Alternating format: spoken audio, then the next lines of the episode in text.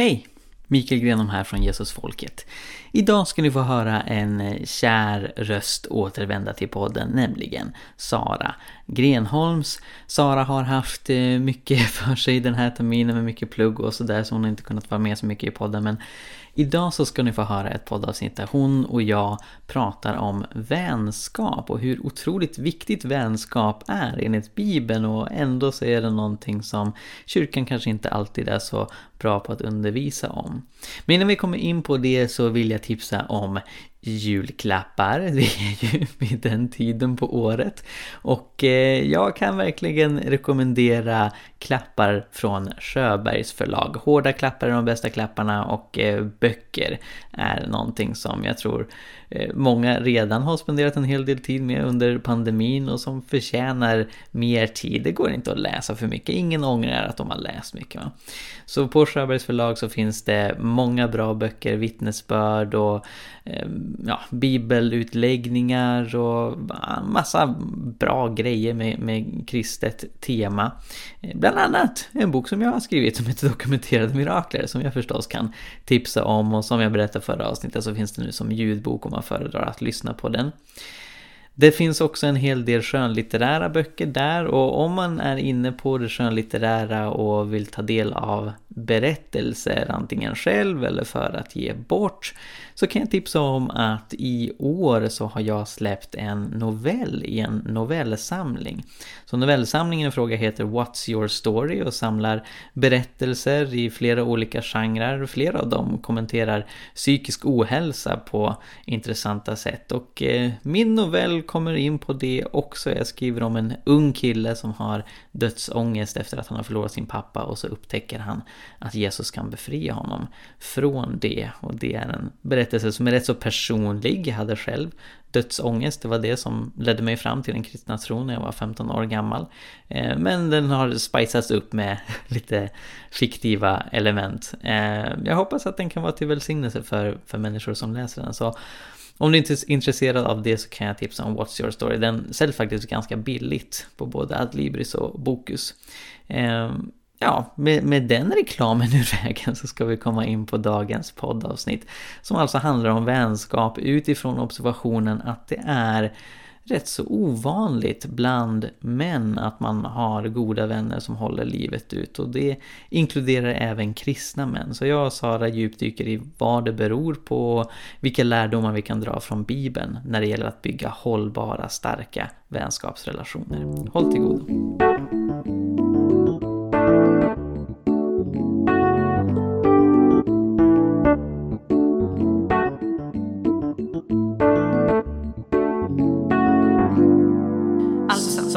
Berätta. Nej men, eh, åh. Det finns ju eh, en, en massa eh, undersökningar både i Sverige och i andra länder om att ensamhet och avsaknaden av nära vänner är mycket mer utbredd bland män. Eh, och i synnerhet äldre män. Eh, och eh, det finns också undersökningar som visar att, att eh, efter en skilsmässa så behåller eh, kvinnorna ungefär 90% av alla vänner som man har haft gemensamt medan männen behåller få eller nästan inga alls. Få eller nästan. ja, få, mm. få, eller inga alls helt mm. enkelt. Um, och ja, Nej men och, och, så här, de senaste dagarna, nu, nu vet jag inte när det här släpps, men, men eh, Förmodligen om ett tag. Förmodligen om ett tag. Så mm. för några månader sedan så florerade en, eh, en meme på mina sociala medier i alla fall. Eh, som, som, kan du ta fram den Mikael? Jag kan inte hantera din dator. På den här memen så står eh, så står Jesus och pratar med sina tolv lärjungar eh, och så står det så här, Nobody talks about Jesus miracle of having 12 close friends in his 30s. Eh, alltså ingen pratar om Jesus mirakel att ha 12 nära vänner i 30 års, i sitt 30-årsålder, i sin 30-årsålder. Mm. och det här, jag, jag tycker bara att det sätter, det sätter fingret på något så otroligt sorgligt i vårt samhälle. För det var ju många som kunde relatera till det här. Det var väldigt många som kunde relatera till det här eh, och många av kommentarerna var, hade otroligt hög igenkänningsfaktor och också gav exempel på eh, hur det ser ut i deras liv. Eh, och jag, jag kände bara att vi måste, vi måste prata om det här. Eh, för att bland kvinnor så ser det ju inte alls ut så här. Mm. Eh, de allra flesta kvinnor har minst en nära vän.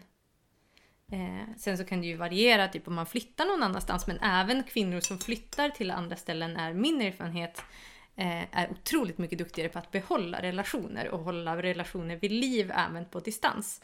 För att man är mycket duktigare på okynnesringa. Helt enkelt. Och vad är det? Okynnesringa det är att ringa utan att ha någon som helst anledning annat än att jag vill höra din röst eller jag vill prata med dig.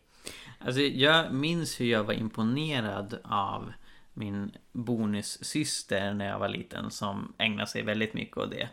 Hon ringer sina kompisar och de har liksom inga, ingen agenda, hon ringer inte av någon särskild anledning utan de bara pratar och kunde prata länge. Så jag ville testa detta med min bästa kompis Viggo. Så en helg när jag var hos pappa i Uppsala medan eh, Viggo var hemma i Karlstad där, där vi bodde, jag och min syster med mamma vanligtvis. Eh, för vi besökte pappa varannan helg. Eh, då så ringer jag upp Viggo. Och säger hej, hur mår du? Ja, bra. Vad, vad är det? Eh, vill du bara prata? Jaha. Om vad då? Vad har du gjort idag? Eh, spela datorspel. Okej, var, det, var det kul? och eh, det, det ledde ju inte riktigt någon vart därför att eh, det var ju inte alls inbakat i vår relation Ja. att man gjorde sånt. Nej men precis, och att jag tror att liksom eh, populärkulturen visar typ inga exempel på män som beter sig så. Däremot så visar den otroligt mycket exempel på tjejer som beter sig på det sättet. Att man säger typ åh nej men nu kan inte jag ringa för att eh, Sara pratar i telefon sina tre timmar om dagen med sin kompis. Eh, och att det är liksom helt, eh, helt normalt att en tjej gör så medan det är konstigt om en kille gör samma sak. Och ändå så skulle många män vilja ha en sån relation. Men det är som att man inte riktigt vet vad man ska göra rent praktiskt för att komma till ett sånt läge och att många relationer som vi män har befinner sig på någon slags permanent ytlig nivå. Där vi är så väldigt rädda och försiktiga av, över att gräva djupare och vara sårbara gentemot varandra. Ja. Och där kan ju saker som machokultur influera. Att vi liksom vill inte prata om ja, men frestelser, problem, sår och så vidare. Utan om vi hänger då, då ska vi kolla på sport och dricka öl. Som du, som Som, du som jag gör. alltid gör. Nej, men så här, om, man, om, man, om man fokuserar på den kristna kulturen så nej, men det så här, man, man, man spelar spel och gör, gör roliga saker. Jag skulle tro att, att det möjligtvis är något mer vanligt bland kristna killar att man vågar vara lite djupare för att alltså i, om, om man är helt fri från kyrkliga miljöer så, så kommer man ju otroligt sällan naturligt in på sådana saker som har med själen att göra. Men samtidigt är det också tydligt att många kristna killar också saknar nära vänner. Eh, I kontrast till många kristna tjejer. Så, så det, det att man är kristen är liksom inte den enda faktorn för att få en vän. Utan det, det behövs mer intentionellt arbete i en själv och i ens relationer.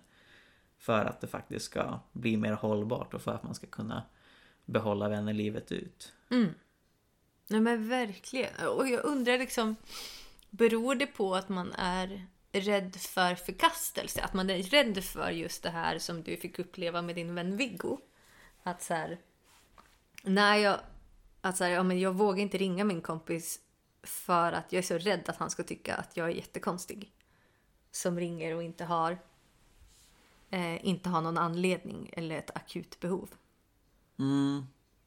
Ja, eller så så här, det måste inte nödvändigtvis vara förkastelse men att man känner att man är lite märklig. Mm. typ. Ehm. men sen också så här. Det var ju någon som kommenterade till den här memen. Att jag ser hur min fru ägnar många timmar åt att ringa sina vänner och liksom hålla sina relationer intakta. Och jag lägger samma mängd tid på att eh, bråka med andra män i kommentarsfält på nätet. Mm. Att eh, man som man är så mycket mer bekväm med att käbbla med främlingar eller med ytligt bekanta. Mm. Eh, än att faktiskt ja, men, ta samtal med vänner till den här djupare nivån. För, för alltså det är en nödvändighet för alla kärleksrelationer. Att man inte bara liksom håller på en ytlig nivå utan man vågar vara öppen och sårbar med varandra. Mm. Men det är som att ja, men så många av oss antingen inte vet att dit behöver vänskapsrelationer också gå för att de ska bli hållbara. Mm.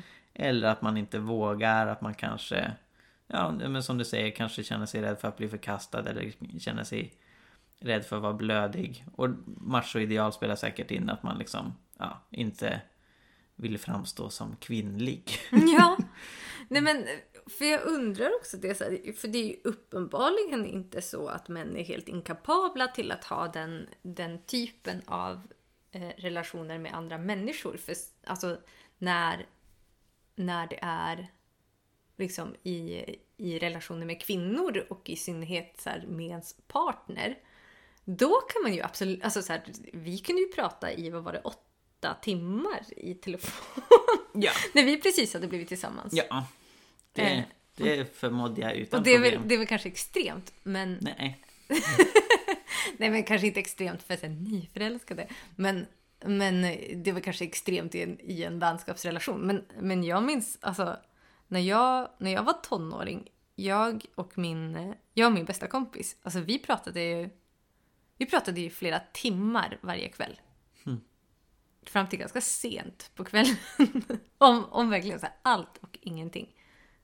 Wow. Eh, och, ja men så här, och det var liksom, vi hade ju träff, vi, vi gick på samma skola och hade träffat varandra typ hela dagarna. Men sen så ringde vi när vi kom hem också. Eh, Nej, men, och, och grejen är, jag tror inte att män är liksom inkapabla att, att ha en sån typ av, av vänskapsrelation. För att de har ju oftast det med sin partner. Mm.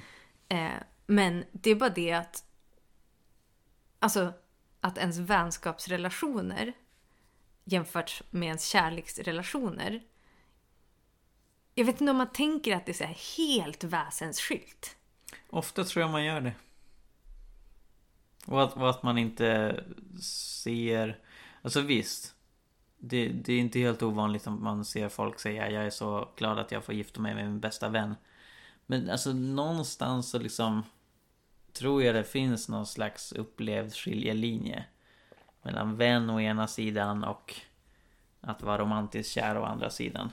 Och att det är två ganska olika projekt. Och att, och att det liksom inte är via vänskap som man blir kär. Och kanske vill man upprätthålla en sån konflikt därför att man vill inte riskera att bli kär i någon annan vän. Så kan det ju vara. Men eh, i praktiken så, så måste man ju vara vän för att kunna ha en kärleksrelation med någon, annars är det inte kärlek. Mm. Så i verkligheten så är det ju liksom inte någon slags skarp skiljelinje mellan vänskap och kärlek. Men, eh, ja, men jag tror att det är ganska vanligt att man uppmålar det som det. Ja. Och att så här, sättet... Nej men det kanske är mycket som du säger, att man är rädd för att ha en tjejig vänskap, typ. Mm. Och därför så får man inte krama varandra utan att dunka varandra på ryggen samtidigt. Ja, yeah. Här, man, får inte, man får inte klappa snällt på ryggen för att det ska bli ännu mjukare och skönare med kramen. Nej, precis. För att då kanske man har en tjejig relation. Mm. Och bevare oss väl. Men sen är det ju också det här med, eh, som jag nämnde tidigare, hur kvinnor behåller alla vänner efter en skilsmässa. Eh, och jag tror att det har jättemycket att göra med att, alltså att i parrelationen så blir kvinnan mannens bästa vän. Eh, och förhoppningsvis blir mannen kvinnans bästa vän, men det behöver inte nödvändigtvis bli så. Eh, men att sen i den relationen så läggs allt ansvar för eh, gemensamma vänner läggs på kvinnan. Det är hon som hör av sig, det är hon som planerar middagar, det är hon som planerar eh, att man ses, det är hon som eh, ser till att eh, eh, barnen inte är i vägen hela tiden för att pappan måste ju umgås med, med andra vuxna också. Det är hon som ser till att, eh, ja, men att man håller kontakten mellan gångerna och så vidare. Eh, så att det är i praktiken kvinnan som upprätthåller relationen. Eh, och jag tror att väldigt många gånger så blir män alldeles, alldeles för bekväma i det. Eh, men att... Eh, ja, och då blir det ju en, en eh, naturlig konsekvens av det att, att män har jättesvårt att behålla dessa vänner när, när man inte är kvar i, den, eh, i det äktenskapet eller i den parrelationen längre. Eh, och det är ju också så här någonting som vi tränas i från att vi är små. Eh, att så här, flickor får lära sig att, att eh, alltid vara snälla mot varandra och man ska alltid så här, ta hand om varandra och man ska eh, jag menar, så här, flickor drillas i att vara goda vänner med andra medan pojkar drillas i att vinna och vara bäst. Eh, Mm. Har du något att tänka? ja. Ehm. Nej men absolut. Och som du ofta har påtalat Sara så tränas kvinnor i att ta socialt ansvar på ett sätt som män otroligt sällan tränas i. Mm. Och vad är socialt ansvar för någonting? Socialt ansvar är just det här som jag eh, beskrev lite om tidigare, att man gör... Eh, ja, ja, man, man helt enkelt ser till både att relationer upprätthålls genom att ringa och se till att, eh, ja, men att behålla relationer helt enkelt. Men sen också att man eh, så här, att sitter man fyra personer vid ett bord och pratar så ser alltid kvinnan till att, att, att man pratar om samtalsämnen som är intressant för alla. Eh, att man blir det minsta lilla stund av tystnad så ser man till att ställa en fråga.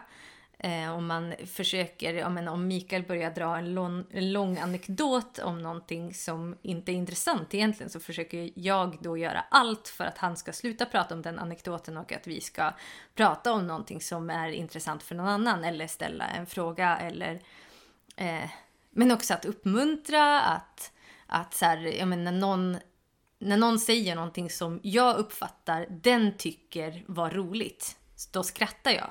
Mm. Oavsett vad jag tycker. Alltså det kan vara det tråkigaste skämtet på jorden. Men jag skrattar ändå för att den andra personen inte ska känna att den var tråkig. Och så vidare.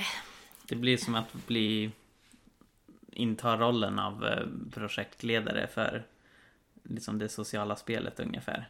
Och mm. vara någon slags bollkalle som ser till att inte några sociala tennisbollar hamnar i diket. Ja. Man fångar upp allt och försöker ha kontroll.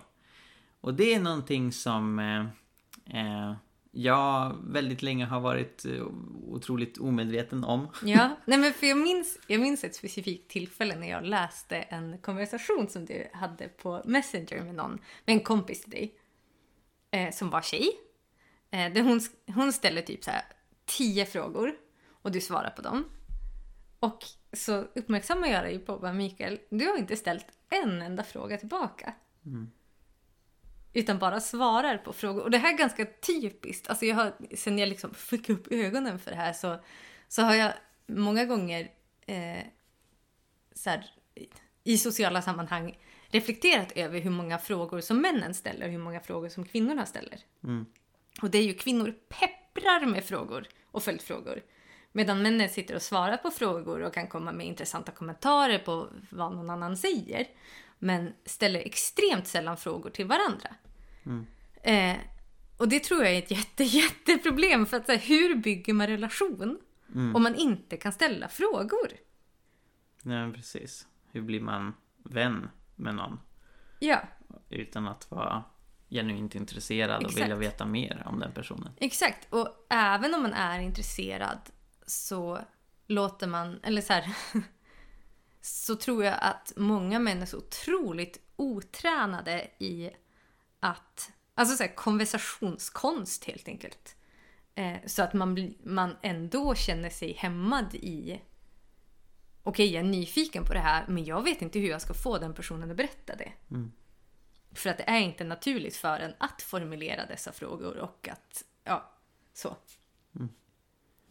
För att det är ju inte någonting som så här, eh, som magiskt kommer med östrogenet, att vi är duktiga på att ställa frågor, utan det är ju någonting som vi tränas i från att vi är små, för att ingen annan tar ju det ansvaret. Och någon måste ju göra det. Mm. Och sen finns det ju såklart män som inte alls eh, så här, faller in inom den eh, mallen. Alltså det finns ju män som är jätteduktiga socialt också. Men, men strukturellt så, så, har, eh, så har män svårare för det än vad kvinnor har. Och jag tror att det får stora konsekvenser för förmågan att behålla vänskap. Ett typexempel på att det är både möjligt och högst åtråvärt för män att skaffa sig hållbara vänskapsrelationer. Det är Jesus och lärjungarna. Och eh, vi har tittat på några bibelord som nämner vänskap och vänner. Det finns så många fina, till exempel Hebreerbrevet 3 och 14. Vi är Kristi vänner, alltså vänner med Jesus. Och vi stadigt håller fast vid vår första tillförsikt ända till slutet. Johannes avslutar sitt tredje brev genom att säga Vännerna hälsar till dig, hälsa vännerna. Och sen en av de mer kända bibelverserna om vänskap är från Jesus tal till lärjungarna natten när han blir förrådd, eh, liksom natten innan hans korsfästelse. Då säger han i Johannes 15 och 15 Jag kallar er inte längre tjänare, för tjänaren vet inte vad hans herre gör. Jag kallar er vänner, för jag har låtit er veta allt som jag har hört av min far. Och det Jesus modellerar med sina lärjungar, det är ju liksom sann innerlig vänskap som de sen behåller när Jesus har lämnat dem.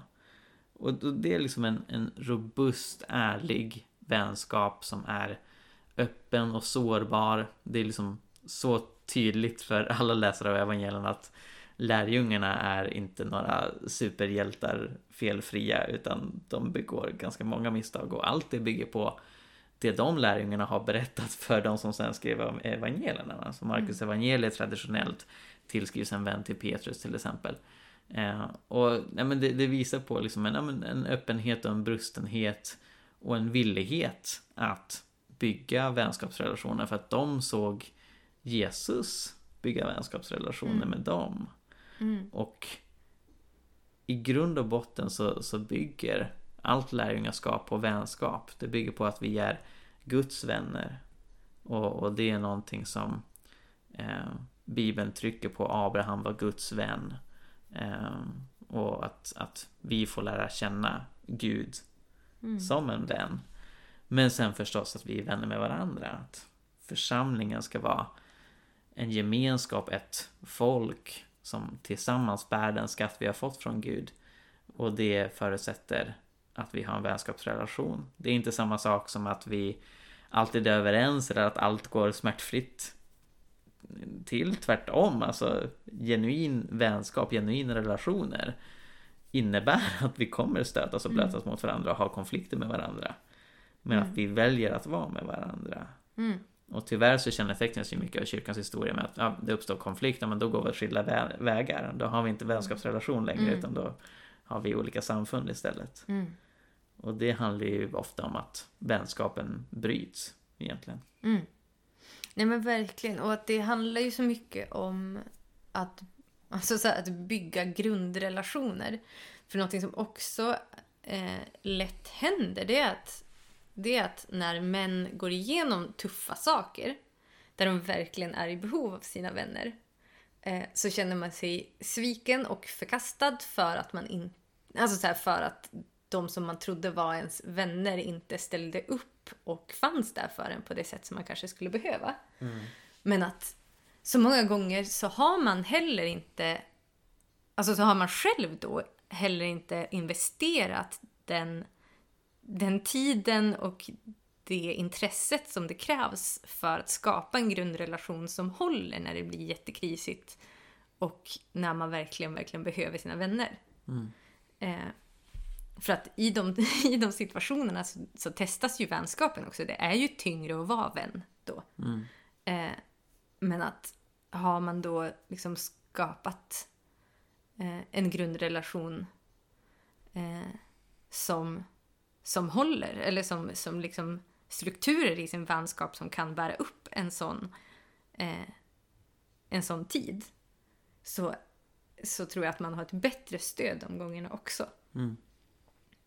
Eh, men, men att så här, har man aldrig haft har man aldrig haft liksom, eh, kulturen i sin vänskap av att ringa och höra hur är det? Eh, så kommer man ju inte börja göra det bara för att den ena börjar må dåligt.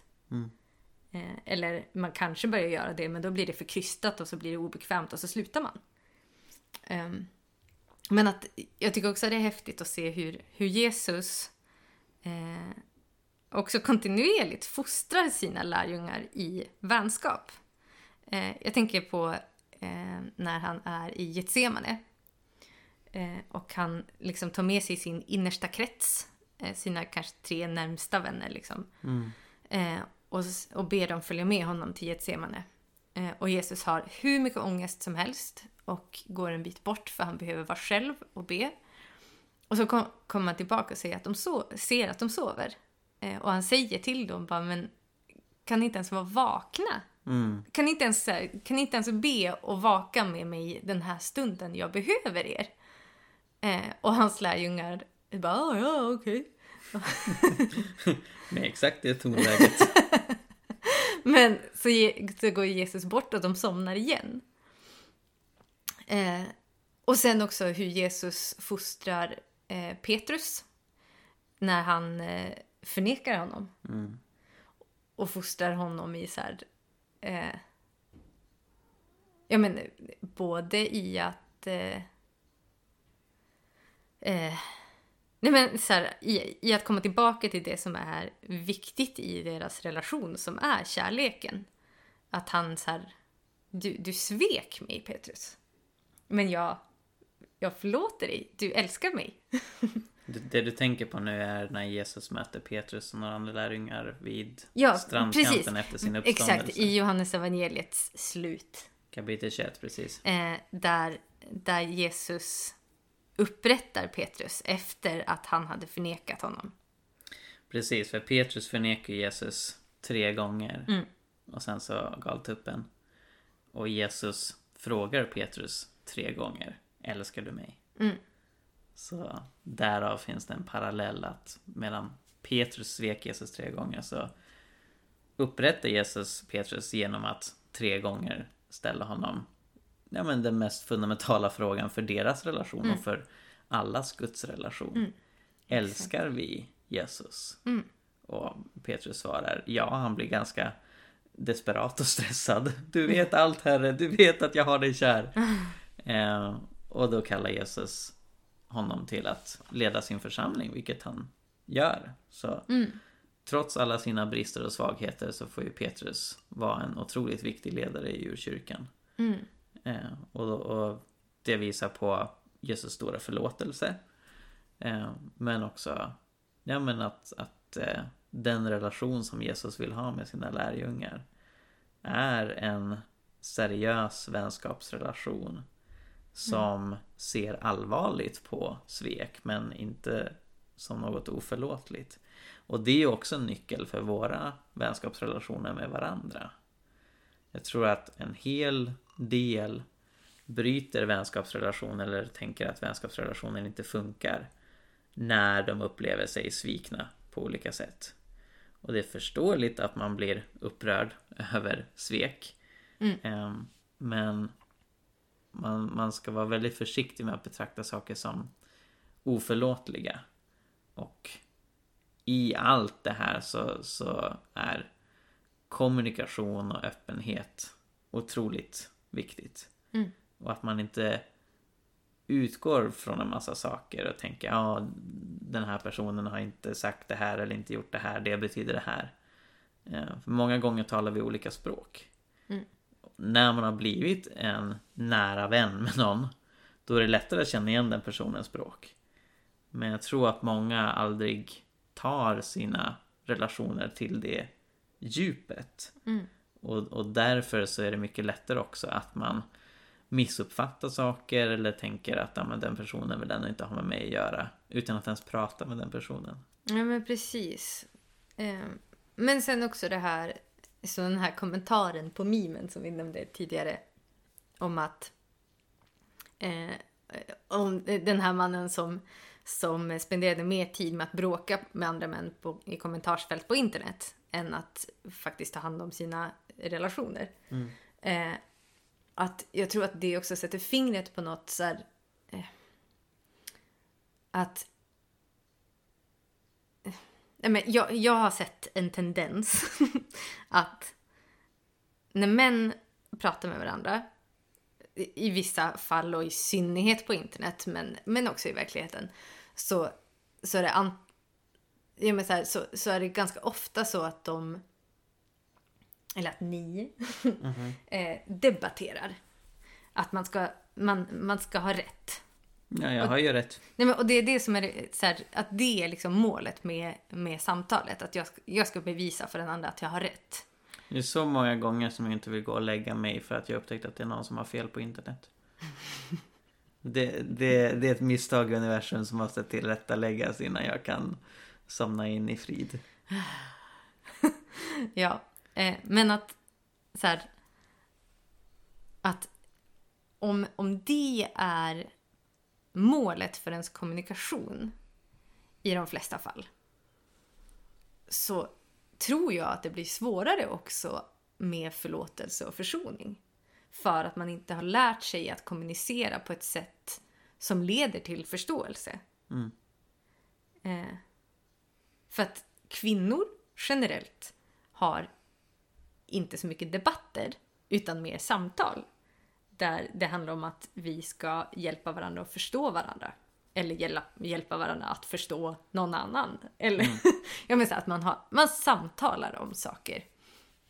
Eh, och det ger ju otroligt mycket bättre förutsättningar för förlåtelse och försoning. För att man är så drillad i att försöka sätta sig in i andra situation och, sätta, alltså, och att man blir mer kommunikativ, inte bara på, alltså för att argumentera och kunna kommunicera sin åsikt.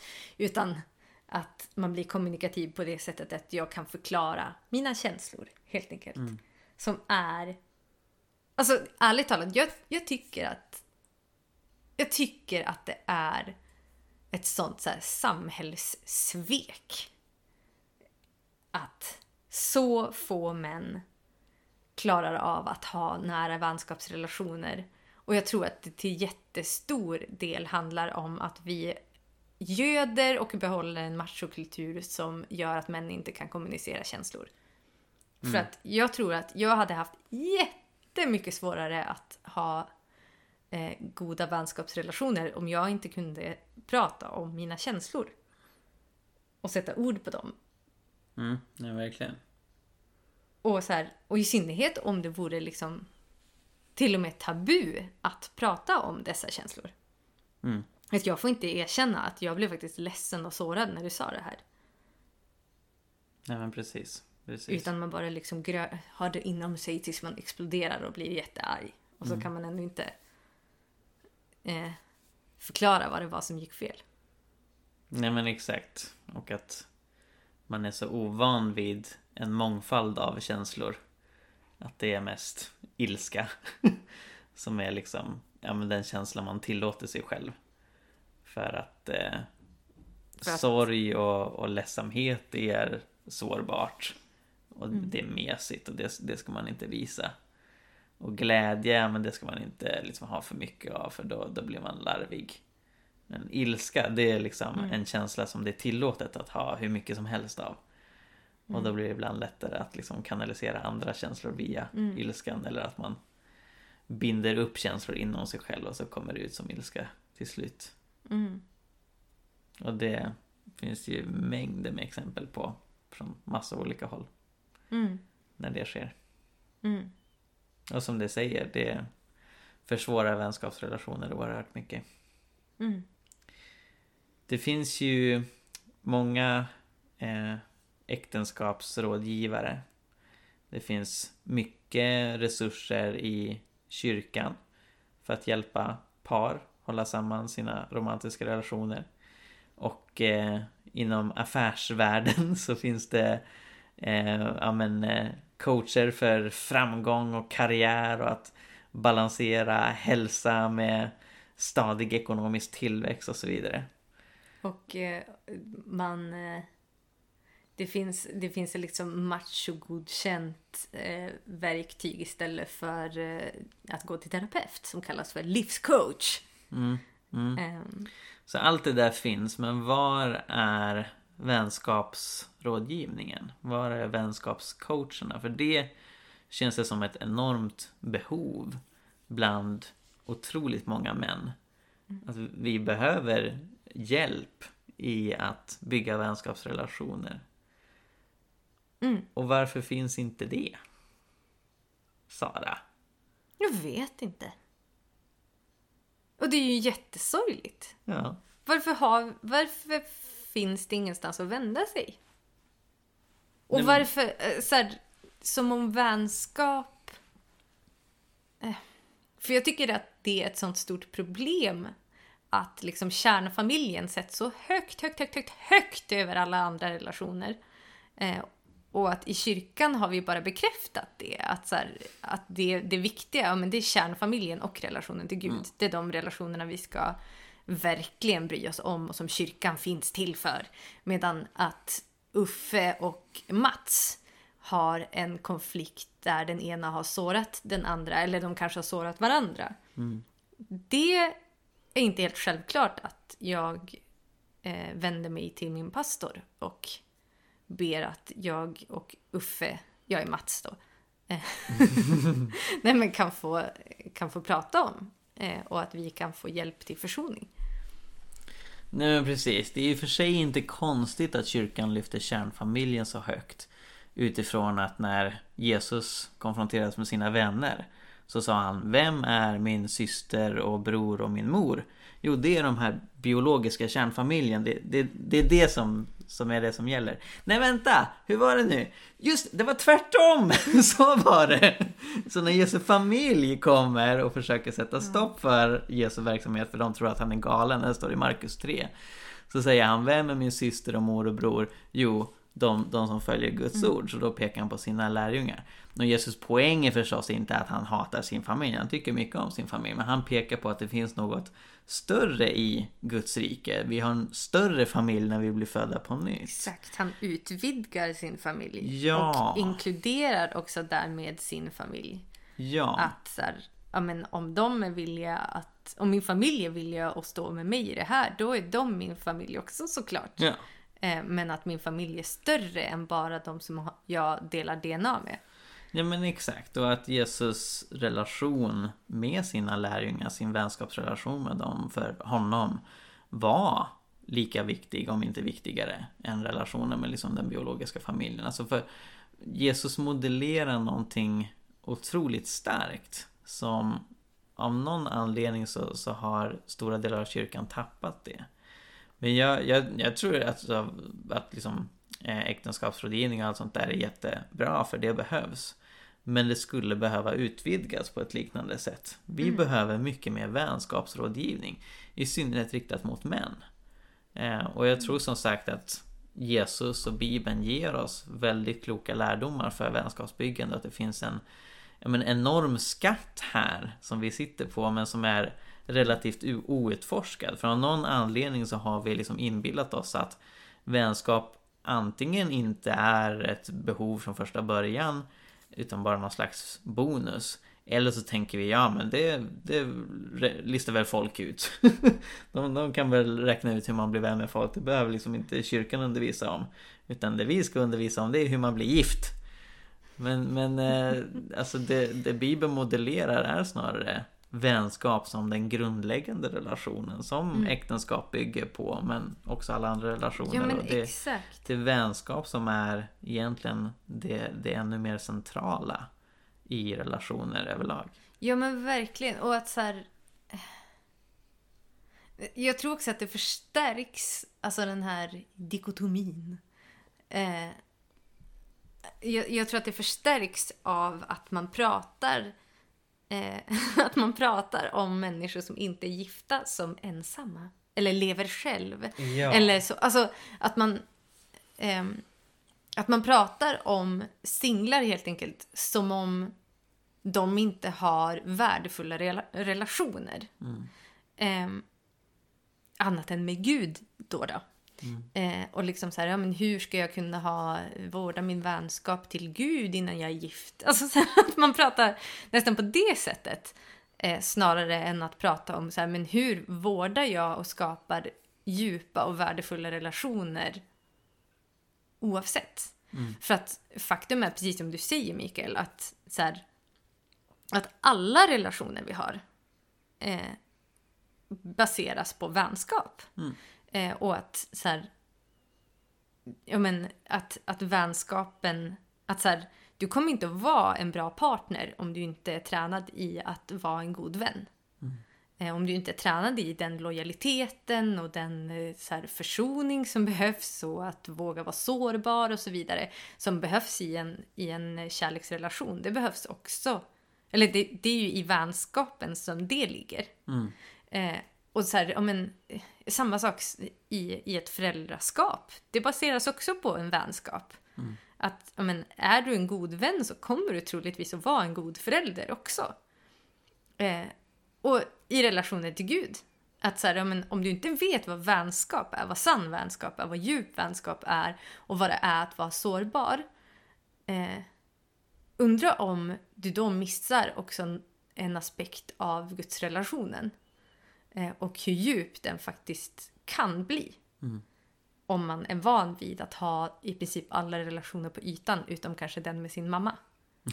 Precis. Precis. Eh, Ja, nej men vi har redan nämnt flera viktiga principer för att bygga hållbara vänskapsrelationer. Eh, öppenhet och transparens, tydlig kommunikation, att vara sårbar, att ta djupa, tunga samtal, prata mycket med varandra. Eh, och eh, nej men en, en villighet till försoning och förlåtelse, att, att eh, hantera när man liksom känner sig sviken eller när man känner att, att den andra personen har gjort fel.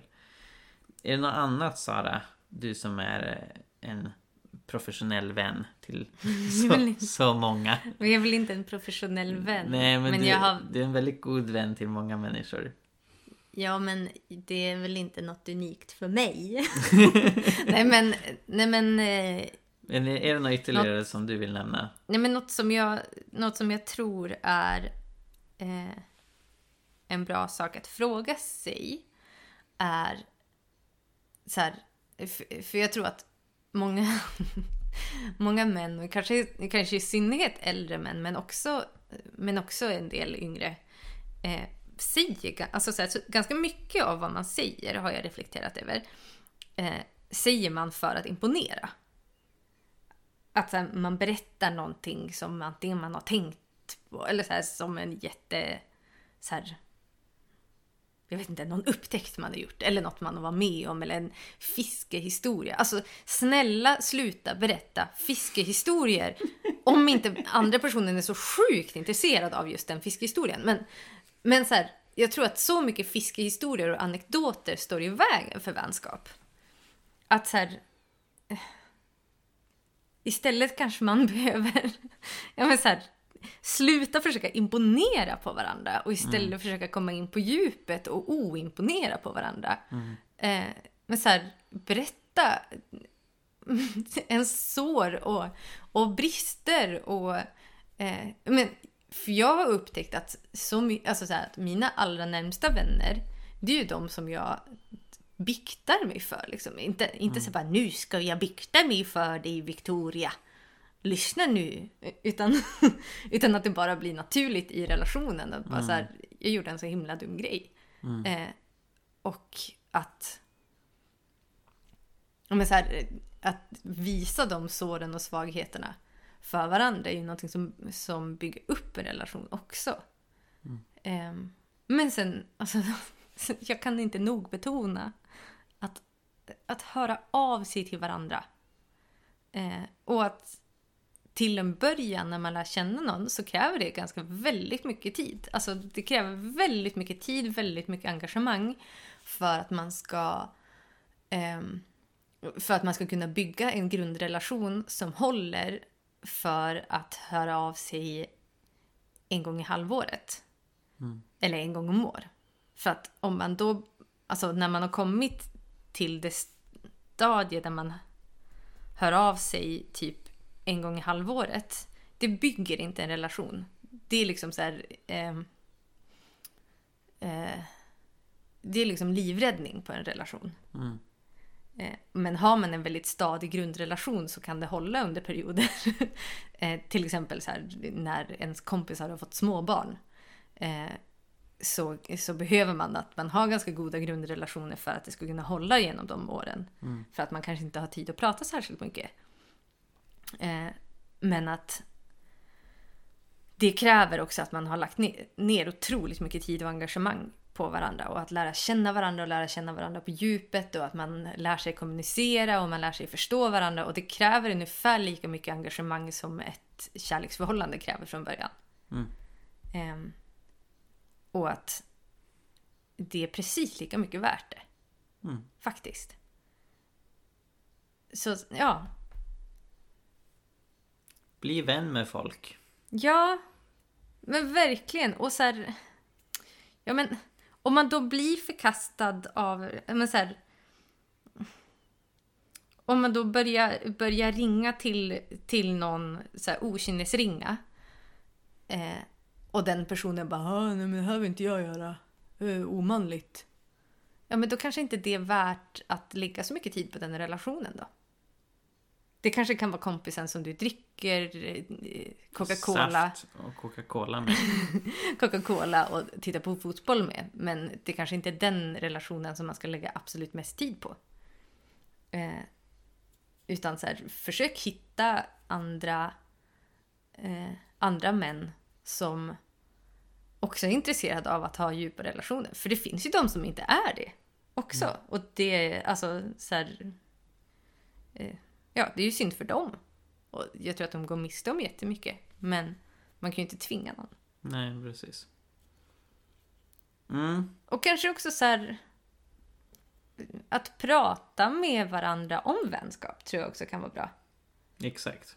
Att så här... eh, Att kanske prata med andra män om just det här som vi har tagit upp idag. Så här, varför är det så? Hur undviker vi det?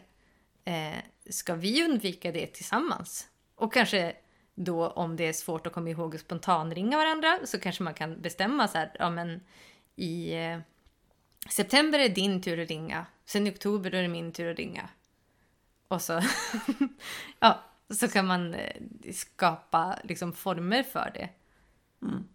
Ja, och där är människor olika. Jag är ju väldigt mycket så här eh, planerad rutinmänniska. Så jag har börjat eh, skriva in i min kalender när jag ska ringa folk. Och det kan ju få mig att framstå som en robot. Men så här, eh, ja men det är ett sätt för mig att påminna mig själv om att det här är viktigt, det här vill jag göra.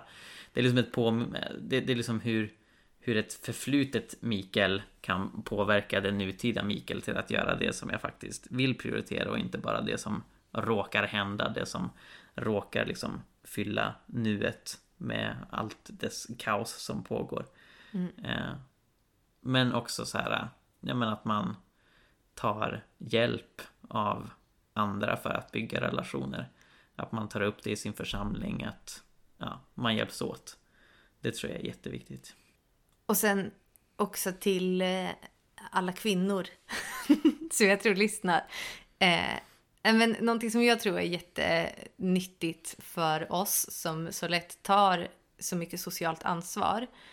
Eh, det är att så här, backa tillbaka lite i att ta ansvar för våra mäns relationer. Eh, att så här, ja, nej men helt enkelt bestämma sig för att, att jag bestämmer mig för att, att Mikael ska bära sina egna relationer. Jag tänker inte påminna honom eller bestämma åt honom att han ska ringa andra. Det är klart att man kan uppmuntra varandra och hjälpa varandra så. Men, men jag tror att det är ganska osunt för att eh, i slutändan blir det ändå kvinnorna som bär upp relationen. Om vi håller på och curlar på det sättet. Eh, och jag tror också för vår egen skull. Att vi behöver inte projektleda våra eh, eh, män i våra omgivningsvänskaper. Också. Mm, precis. För jag, vi har nog att projektleda som det är. inte bitter. Nej, inte ett dugg. Nej men ja. Har vi någon concluding remark? Nej men som sagt, prioritera vänskap. Eh, vänskap med Gud, vänskap med andra människor. Eh, och slösa inte bort den tid vi har fått på sånt som du senare kommer betrakta som väldigt oviktiga och oväsentliga saker. När du hade kunnat investera det i vänskapsrelationer som också bär och stöttar dig när livet blir tungt och svårt. Det är så centralt att bygga vänskapsrelationer och någonting som vi alla ska prioritera. Och förhoppningsvis så har ni fått med er eh, konkreta tips eh, på hur man kan göra detta. Eh, om ni vill att vi ska utforska det här ämnet mer framöver så är det bara att säga till. För det finns förstås mycket mer att säga. Eh, och vi tror som sagt att det här är viktigt att även lyfta i församlingar. Eh, och att församlingar blir bättre på att prioritera vänskapscoachning och vänskapsbyggande och prata om det och, och modellera det för de som är med i församlingen. Och i synnerhet unga killar. Exakt, exakt. Sara, tack så jättemycket för dina kloka tankar. Tack för dina kloka tankar. Tack så mycket! Och tack, kära lyssnare, för era kloka tankar som vi hoppas få ta del av. Yes. Hej då! Hej då!